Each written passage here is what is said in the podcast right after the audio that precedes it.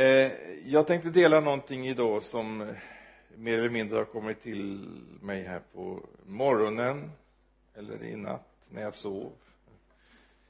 Eh, och det det är ett behov som jag kan känna både hos mig själv i det sammanhang där jag står i Göteborg jag kan tänka mig att ni också eh, har det här behovet. Jag varit på konferens uppe i Örebro för, förra veckan och känner att det är ja det är någonting det är ett nationellt behov helt enkelt. Vi, vi ber för landet och när man ber då börjar man liksom se saker. Vad är det liksom som ska kunna förändra? Vad är det som ska vad är det som ska förändras? Och vad, vad är det för någonting som ska kunna utföra den här förändringen. Och jag har bett och det har kommit olika bibelord och och det jag ska säga idag det, det, jag hoppas att du får med dig någonting. Det kanske inte är så här eh, upplagt med punkt 1, punkt 2, punkt 3 och, och med en inledning och en avslutning utan det kanske blir lite mera eh, ja lite tankar som kommer. Men eh, jag ska börja med Levi Petrus. Eh, en del av er vet vem det var. Han var eh, kan man säga den som blev eh, ja apostel för eh, pingstväckelsen i Sverige.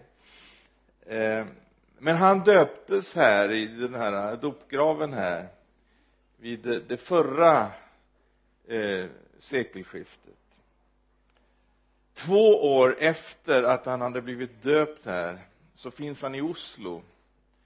Och då är han där som en ung man och, och håller på att förbereda sig för att han ska gå in i en tjänst. Han, han håller på och prövar liksom vad hans livsinriktning ska bli. Och där i alla fall så blir det så att han får en kallelse. Han ska resa till en plats i Norge som heter Lillesand. Och det är en lika liten plats som det låter på namnet. Det, det är en liten plats nere vid eh, alldeles i Sörlandet i syd i Norge. Han kommer dit till en församling och en av tror jag de första kampanjerna han överhuvudtaget då har eh, han eh, i från torsdag, fredag, lördag, söndag så har han möten. Och eh, han liksom det är ett trosteg han tar han går ut i, i, i tro på Gud att han ska leda och hjälpa. Och det blir en eh, underbar och välsignad eh, möteskampanj. Men han känner ändå en hunger och en längtan, ett behov. Och det visar sig att hos de här vännerna som han har kommit till så Eh, börjar man tala om att eh, att Gud vill ge honom en ytterligare välsignelse? Och nu faller det sig så jag tror inte att det var en tillfällighet men han ska åka färja tillbaka till Oslo. Och den här färjan den går inte för klockan fyra på morgonen alltså på morgonen mot måndagen. Eh, och då bestämmer de här vännerna men då ska vi ha bön fram till klockan fyra bestämmer så att nu har han haft alltså möten här från torsdagen och det, och nu förlängs det hela med bön fram till fyra på måndag morgonen och det, det här blir liksom ett eh, härligt bönemöte då, då, han får verkligen uppleva ett eh, vidrörande av Gud. Och de här vännerna talar om ja du ska, du ska liksom ta emot den här ja andra välsignelsen säger de. Och han funderar på det han förstår inte riktigt vad det är de talar om. Men i alla fall där på båten nu är vi alltså framme vid året är 1902 där på båten eller färjan som ska ta honom till Oslo så börjar det hända saker. Han går där uppe på däck och alla andra liksom eh, finns inne i hytter och överallt det där. Men han går där ensam och och tala med Gud och den här bönens ande som han liksom har levt i där i den här konferensen det bara fortsätter och verkar inom honom. Och så börjar det liksom att ske saker alltså helt plötsligt så, så bara börjar han tala på ett språk som han själv inte förstår. Och eh, han talar alltså i tungor. Och det här med att tala i tungor för en del är det kontroversiellt och för andra så är det naturligt. Men jag skulle vilja bara nämna någonting om det här därför att om vi ser liksom läget, jag nämnde om det här i början, att vi ser läget i landet så tror jag att vi behöver som Guds folk få allt det vi bara kan få ifrån Gud. Allt vad han har att vi inte liksom har vårt vår egen vad ska vi säga att vi sätter upp våra gränser därför att vi på, kanske på olika sätt kan vara rädda för saker och ting som inte eh, vi riktigt har kontroll över. För det är just den här kontrollen som den helige ande vill ta oss ut ifrån. Därför att han vill inte att vi ska ha kontroll. Han vill att anden ska ha kontroll. Och då, då, då är det så här och, och jag har läst mycket om de här olika förgrundsgestalterna eh, i de väckelser som har gått fram. Eh, eh vi vet att eh, från 1700-talet och framåt så har det liksom gått fram väckelser över världen.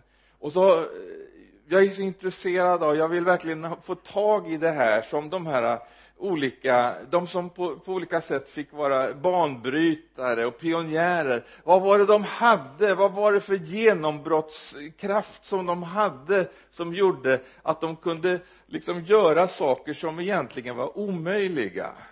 Många gånger var det enkla människor, det var eh, gruvarbetare vid något tillfälle och, och det var andra liksom olika yrkesmän som Gud tog ut. Och på ett alldeles speciellt sätt så utrustade han de här människorna så att de fick vara med liksom att förlösa någonting från himlen in i sin samtid in liksom i, i sitt sammanhang och som sedan spreds ut över världen. Vad var det de var med och förlöste och hur gick det här till?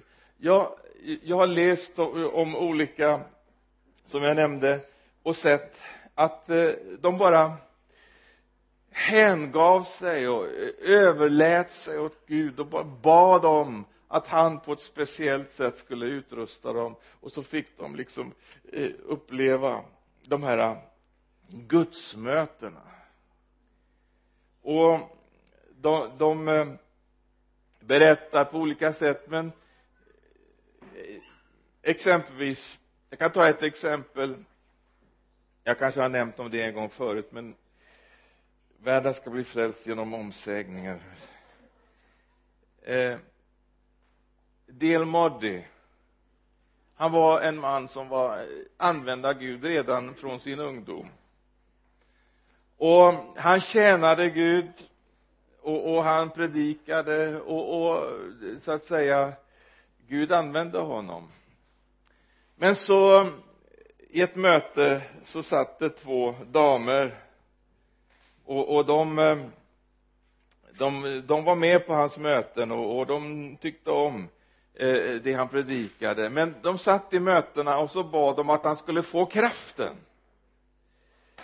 Och det här eh, gjorde honom lite fundersam. Få kraften liksom jag predikar ju Guds ord och han tyckte att han hade kraften.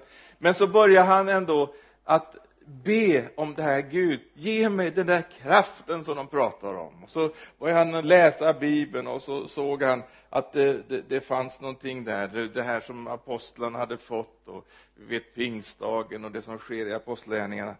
Och han ber om det här. Och en dag när han går där liksom i, i gatuvimlet på New Yorks gator så helt plötsligt när han bara går där kan du tänka han var inte på något väckelsemöte han var inte på ett bönemöte han var inte tillsammans med kristna vänner. Han är ute på gatan i den stora staden New York. Och där mitt på gatan så kommer Guds kraft plötsligt över honom. Så han måste skynda sig in till en vän som fanns där i närheten och, och, bara stänga in sig på ett rum och vara inför Herren när den här kraften och den här glädjen fyller honom.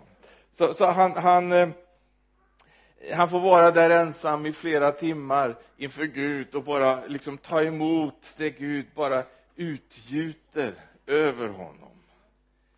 Och från det så börjar det ske stora under runt omkring liksom där han kommer till de olika platserna han kommer till London och hundratals blir frälsta. Han åker till olika platser och vi vet eh, vi som kan eh, läsa liksom eh, historien och se att han blev en av de mest framgångsrika evangelisterna under de senaste århundradena. Och så här skulle vi kunna berätta om flera de flesta av dem som på olika sätt har tjänat Gud de fick det här mötet med Gud. Och, och, och många gånger så berättar de också om att de fick det här språket att tala det här kanans tungomål. Vi behöver utrustas från himlen. Vi behöver komma till insikt om att det jag har naturligt det räcker inte till för att lösa de problem och de behov som liksom ligger vid våra fötter. Vi måste bli utrustade från himlen för att vi ska kunna göra vårt jobb. Vi måste bli som sådana här vattentorn som vi har ett här utanför.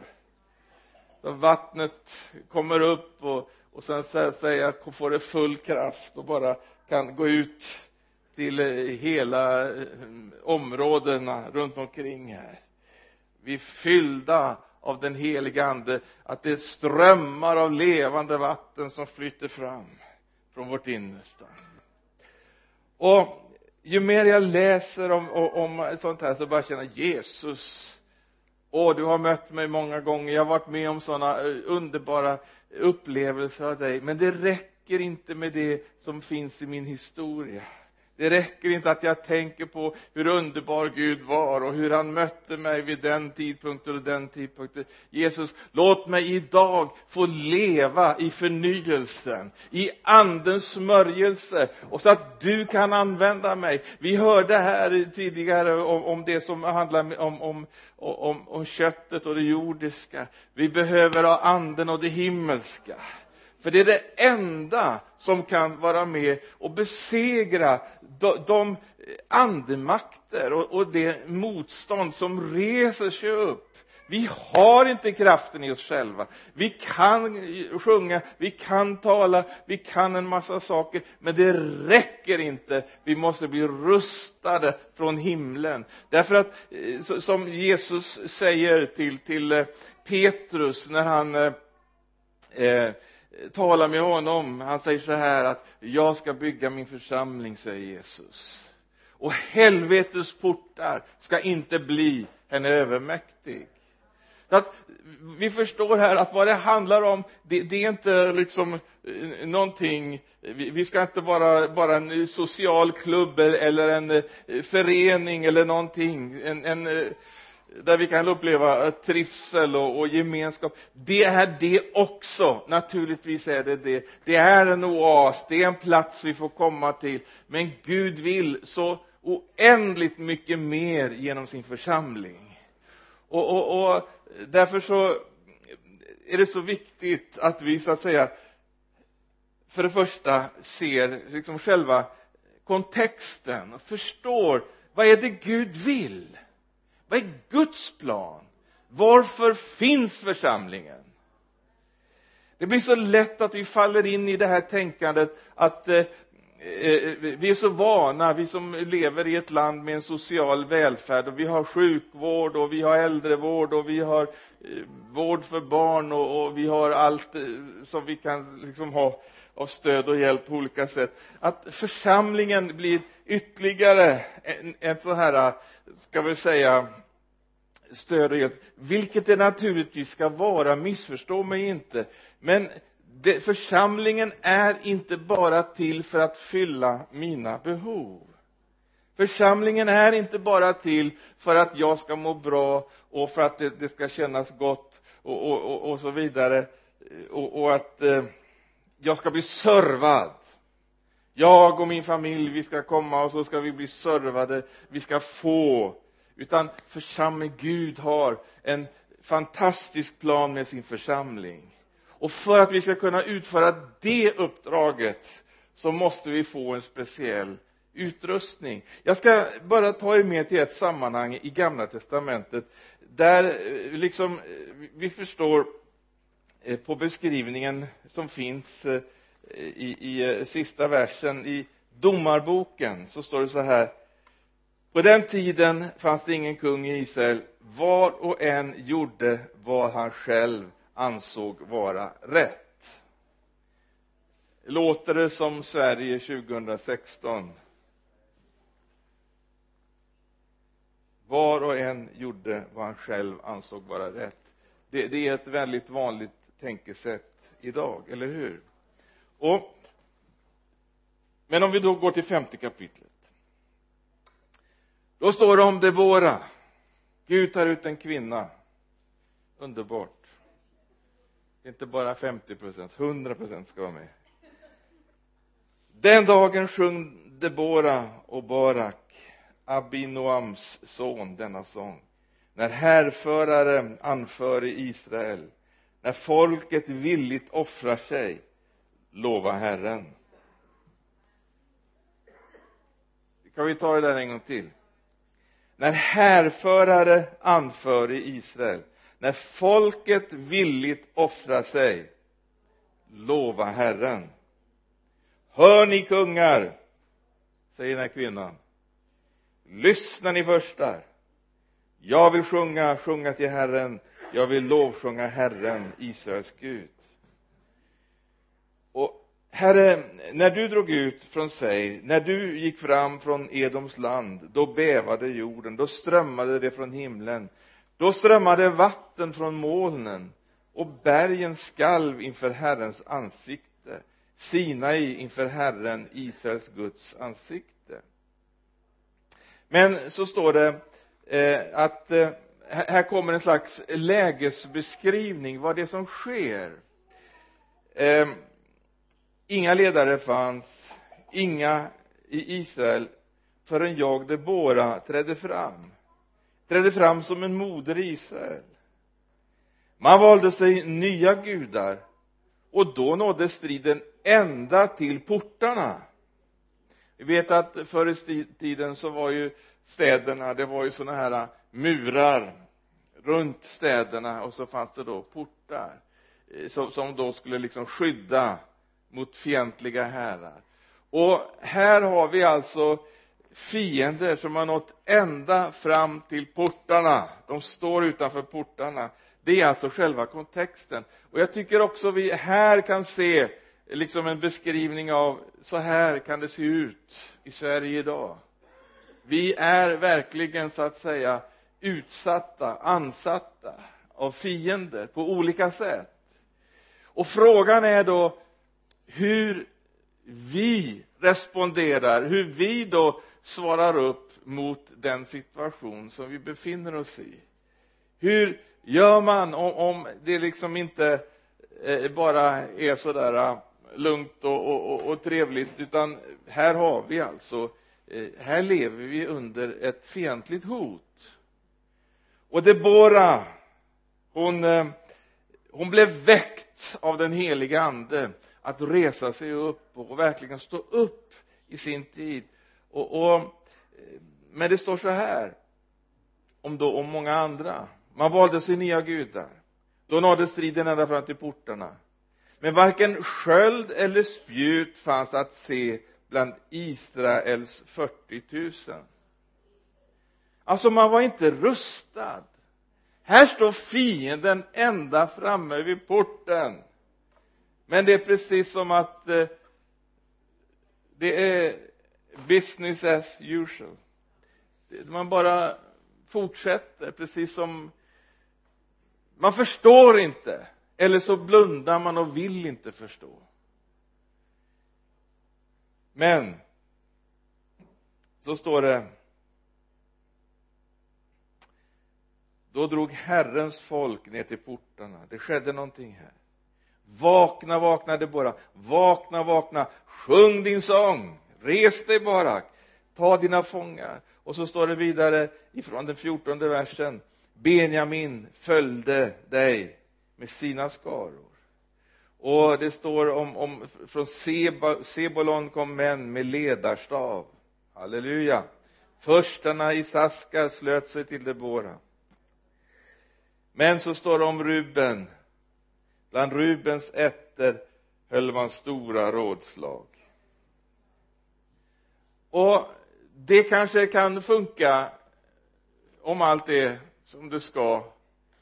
Det kan vara trevligt med intellektuellt utbyte och samtala om olika teologiska frågor och sitta ner och tänka, ha stora rådslag. Men om fienden står vid porten man måste liksom känna sin tid. Man måste förstå kontexten. Man måste så att säga som Guds folk ha en profetisk uppenbarelse. Var befinner vi oss idag? Som nation och som Guds folk, som församling var befinner vi oss någonstans? Och på vilket sätt måste vi utifrån den situation vi befinner oss agera? Vi behöver rusta oss. Vi behöver ta fram vapnen vi behöver se till att vi kan möta en fiende som hotar att spränga portarna och, och så att säga invadera det sista som finns kvar. Gud vill resa upp ett folk. Halleluja. Och som, för, som har insett att vi kan inte göra detta själv vi kan inte utföra denna strid själva. Vi måste bli rustade med andliga vapen vi måste få andliga vapen. Och, och det står om de här andliga vapnen att de är så mäktiga inför Gud att de kan bryta ner fästen. De kan så att säga besegra fienden. Men vi måste så att säga utbedja oss det här och vi måste rusta oss och vi måste börja använda det vi har fått för det det så att säga är, är givet till. Du vet att eh, detta när jag nämnde om det här med andens eh, gåvor och tala i tungor och andens dop och det här. Eh, det har, det har ju blivit kontroversiellt mycket därför att det har liksom blivit ett slags sökande många gånger i effekter och manifestationer och annat. Och, och, och, och så har det liksom så har man slängt ut barnet med badvattnet. Men alltså Gud har ju gett detta för att vi behöver det han håller ju inte på och ger saker som liksom bara är någon sån här lite extra eh, ja du vet. Utan han ger saker för att det ska bli till nytta står det. Gud har ett liksom nyttotänkande när, när han ger sina gåvor han vill att vi ska rustas han vill att vi ska ha allt det som han har gett. Att hela församlingen ska vara rustad. Att vi ska kunna utföra den här striden som han har kallat oss till. Men där har vi Ruben de sitter i stora rådslag och, och samtalar i teologiska frågor och, och funderar över olika sådana här eh, olika spetsfundigheter och om, om eh, ja du vet. Man kan ju hålla på i det oändliga kolla bara på facebook. Hur man kan diskutera. Och ibland vill de dra in mig i de där diskussionerna också men jag håller mig borta. Vad säger du om det här Per-Arne ingenting.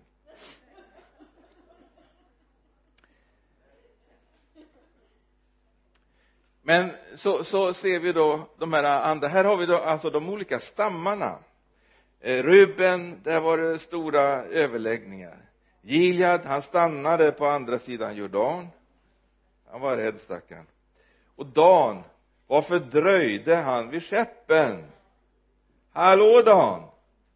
Vad håller du på med? Varför dröjer du? Det, det, det är bråttom! Arthur han satt kvar vid havets strand. Vid sina vikar stannade han ja det är ju mycket lugnare och skönare inne i viken än ute på havet där det kan blåsa upp ordentligt, eller hur?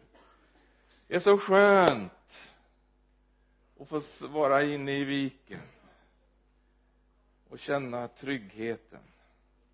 Men Gud han kallar oss ut. Aser satt vid havets strand vid sina vikar stannade han. Men Sebolon var ett folk som föraktade döden likaså Naftali på slagfältets höjder. Halleluja. De satsade sig själva och allt vad de är och har. De hade förstått allvaret de hade förstått tiden. De hade förstått det att eh, nu är det inte tiden nu är det inte fredstid. Det är krig. Det har gått ut så att säga en mobiliseringsorder. Kanske var det för att det var en kvinna som en del tyckte att nej, det är inte så noga. Men så står det så här om vi kommer längre fram. Tionde versen, eh, tjugonde versen. Från himlen fördes strid. Stjärnorna stred från sina banor mot Sisera och, och, och så vidare. Så att det, det är ju det, det, här som är så fantastiskt att att eh, när så att säga den eh, de delar av Guds folk som hörsammar och som prisger sig själva som ger sig själva i den här striden halleluja då bekänner sig himlen till dem då står det från himlen fördes strid. Så det var sannerligen inte bara några få stammar här med Sebolon och Naftali och Benjamin och några till tillsammans med Debora och Balak utan det, det var halleluja från himlen fördes strid. Och vår Gud han heter Herren Sebaot. Och det betyder härskarornas Gud. Så att när vi så att säga överlåter oss själva med allt vad vi är och har och inte kör våra egna agendor och låter vårt eget kött och våra egna önskningar sätta agendan utan Gud vi överlämnar oss åt dig. Vi vill utföra ditt verk i vår generation. Halleluja då vet vi att det är inte vi utan det är Gud som strider genom oss och tillsammans med halleluja sina härskaror så utför han sitt verk. Och faktum är att en man eller en kvinna tillsammans med Gud är i majoritet. Det, det, det är det som är så fantastiskt. Därför att när vi står med honom halleluja då vet vi då har vi hela himlen med oss. Halleluja och när jag tänker på situationen och som jag sa vi har varit på en konferens uppe i Örebro. Rötter hette konferensen. Och det var härligt jag nämnde väl lite om det här också i i eh, fredags. Jag börjar lära mig den här vägen mellan Göteborg och Vänersborg nu. Kan nästan blunda och köra. men i alla fall eh, det, det var så härligt just att uppleva det här att träffa syskon eh, som kommer då från olika platser i landet och eh, tjänstegåvor som är väldigt olika fungerar väldigt olika. Och, och, och det är så skönt att det är ingen som försöker att kopiera den andra utan var och en förstår att Gud har kallat mig så här. Och det är bara att acceptera. Och så har Gud kallat någon annan och, och, och, och liksom som har en annan gåva och, och det fungerar. Och så se den här kompletteringen hur allting liksom hur de här pusselbitarna liksom passar ihop som Gud har tänkt. Han, han det är både Gud har i sin församling satt apostlar, profeter, evangelister hedar lärare. Alltså Gud behöver alltihop det här. Och jag kände sån det var så hoppfullt när jag tänker på landet hur hur Gud ändå ser till oss och, och hur, hur det var också flera bönenätverk som kom tillsammans i den här konferensen så att det var många bedjare. Så då är det lätt att tala. Det är som här men då är det lätt att tala när man har många bedjare. Halleluja. Det, det är så härligt när ni på morgnarna här kommer tillsammans och ber innan mötet. Det är sannerligen inte på alla platser man gör det. Men det, det är oerhört värdefullt att man förstår nödvändigheten av att leva i bönen. Men i alla fall jag började med att tala om det här med, med den här kraften och, och, och det vi kan ju se när vi läser apostlagärningarna det är ju så tydligt att det, det på något sätt markerar en gräns mellan ett kraftlöst kristet liv till en kraft som gör att man blir helt förvandlad. Vi kan se på lärjungarna.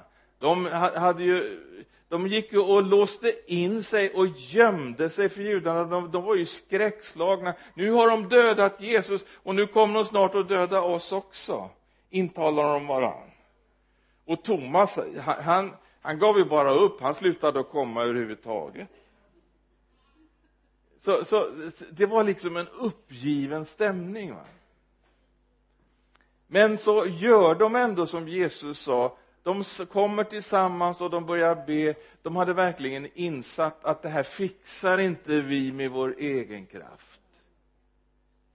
Så de ber om det där som Jesus hade talat om att att eh, ni, ni ska ni ska utbedja er det här. När den helige ande kommer över er då ska ni få kraft och bli mina vittnen. Jerusalem, i Judeen, Samarien och ända till jordens ände. Och, och, och Jesus hade talat om att ni ska bli rustade med kraft från höjden. Jag känner att jag behöver påminna mig om det här hela tiden. Första gången man skulle gå liksom fram och ställa sig och tala då, då, då, då skakade underläppen så här liksom då, då, då, då, då, då var det det var svårt va? Sen, sen kan det ju vara så att man har gjort det några gånger men det får aldrig bli så att det här klarar jag. Det får aldrig bli så därför att det gör vi inte.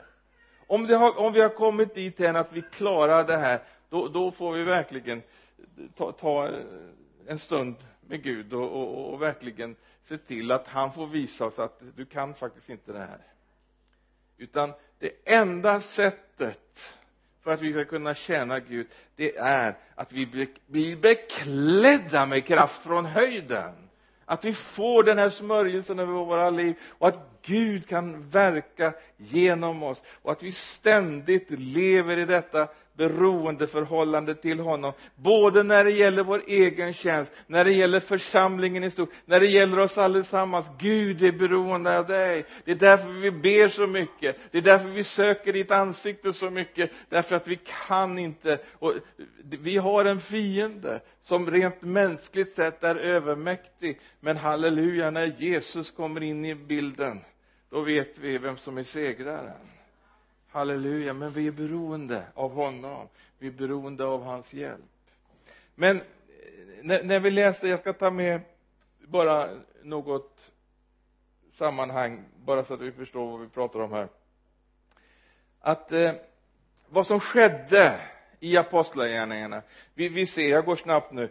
Apostlagärningarna 2 där står det att det hände någonting. Då, då kom plötsligt från himlen ett dån och, och det står att tungor av eld visade sig för dem och fördelade sig och satte sig på var och en av dem och alla uppfylldes av den heliga ande och började tala främmande språk allt eftersom anden ingav dem att tala. I apostlagärningarna 8, nu går vi snabbt där, 14 versen så står det om eh, Filippus som kom till Samaria. Och de tog emot Guds ord och sen så bad man för dem.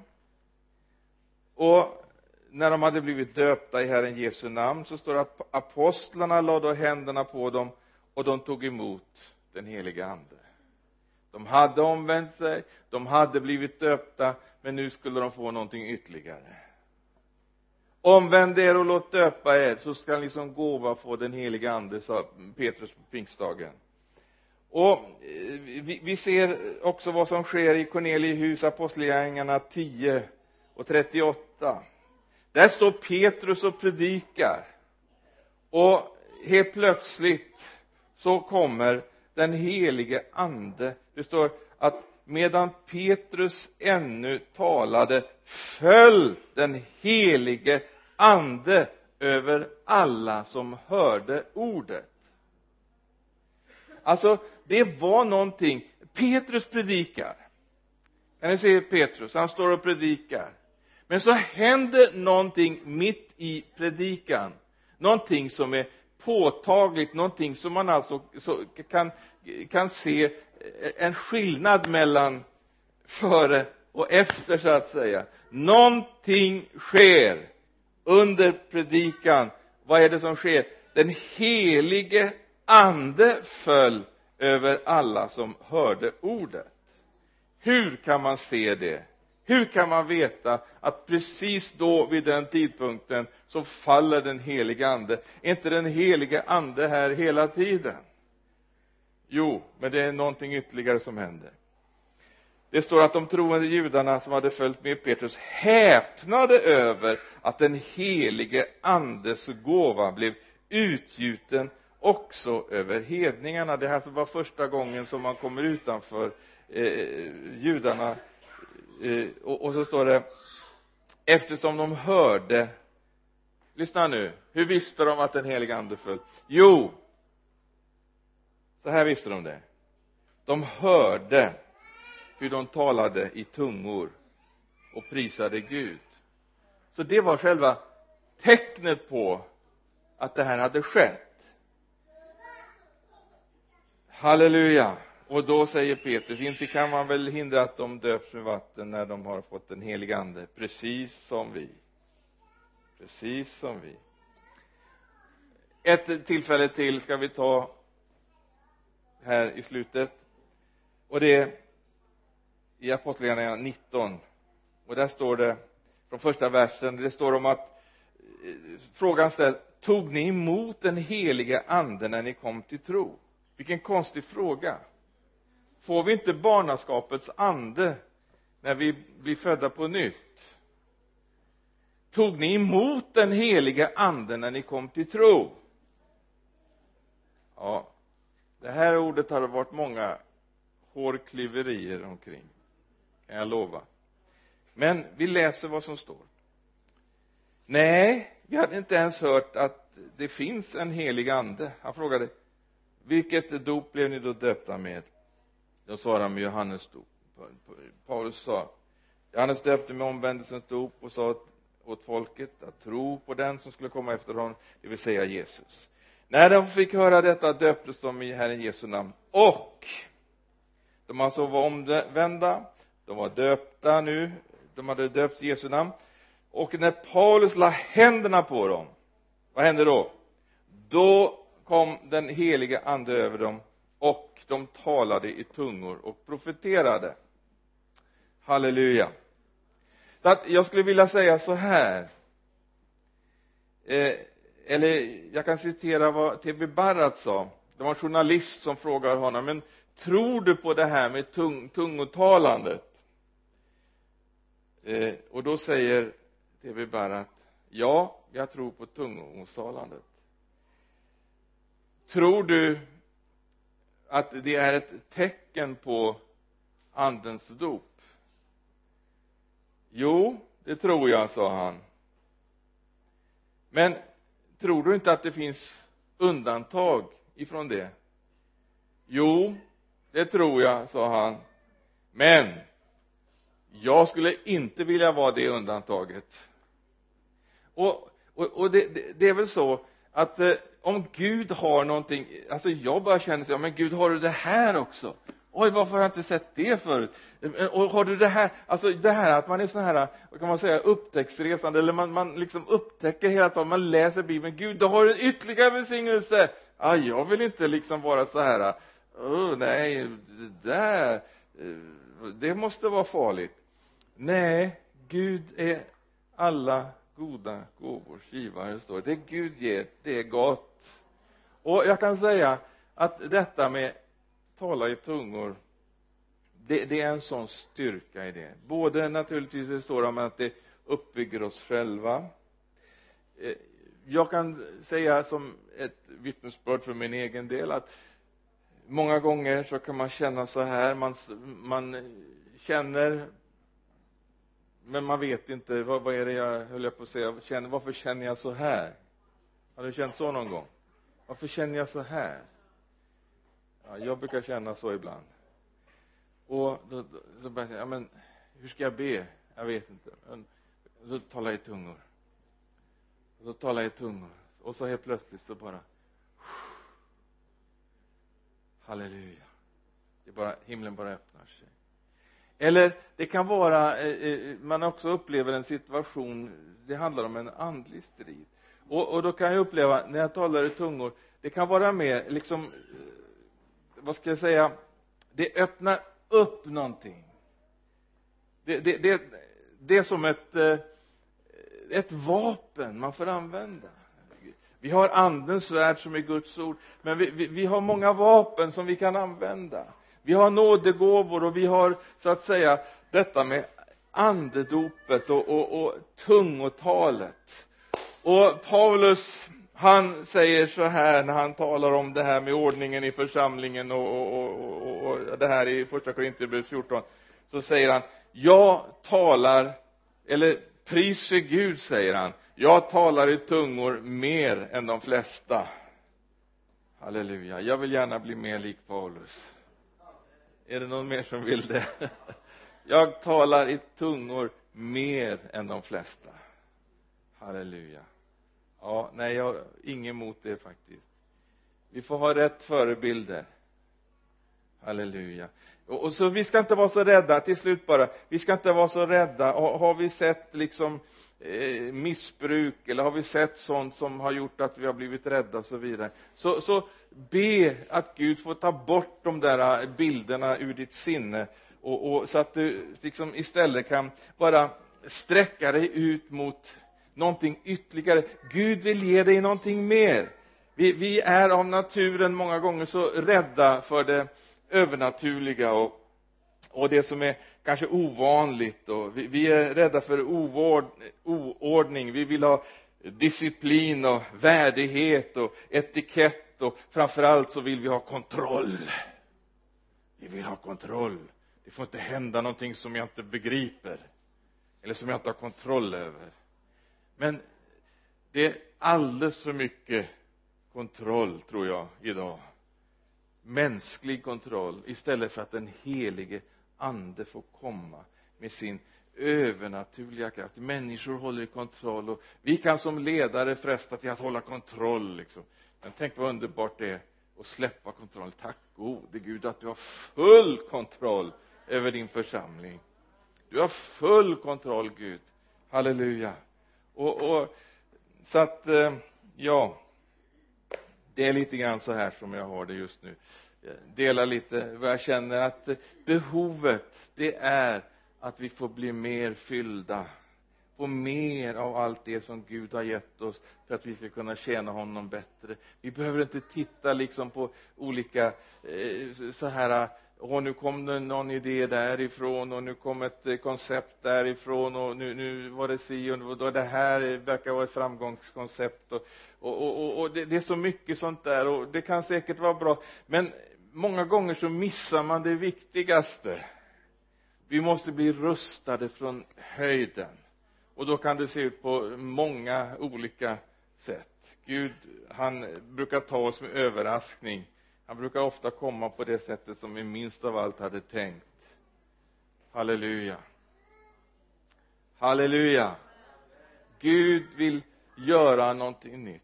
Han vill göra sånt som alltså för Gud är specialist på att göra sånt som vi inte kan tänka som vi inte kan liksom har sett som vi inte har kunnat så, sånt som liksom går utanför.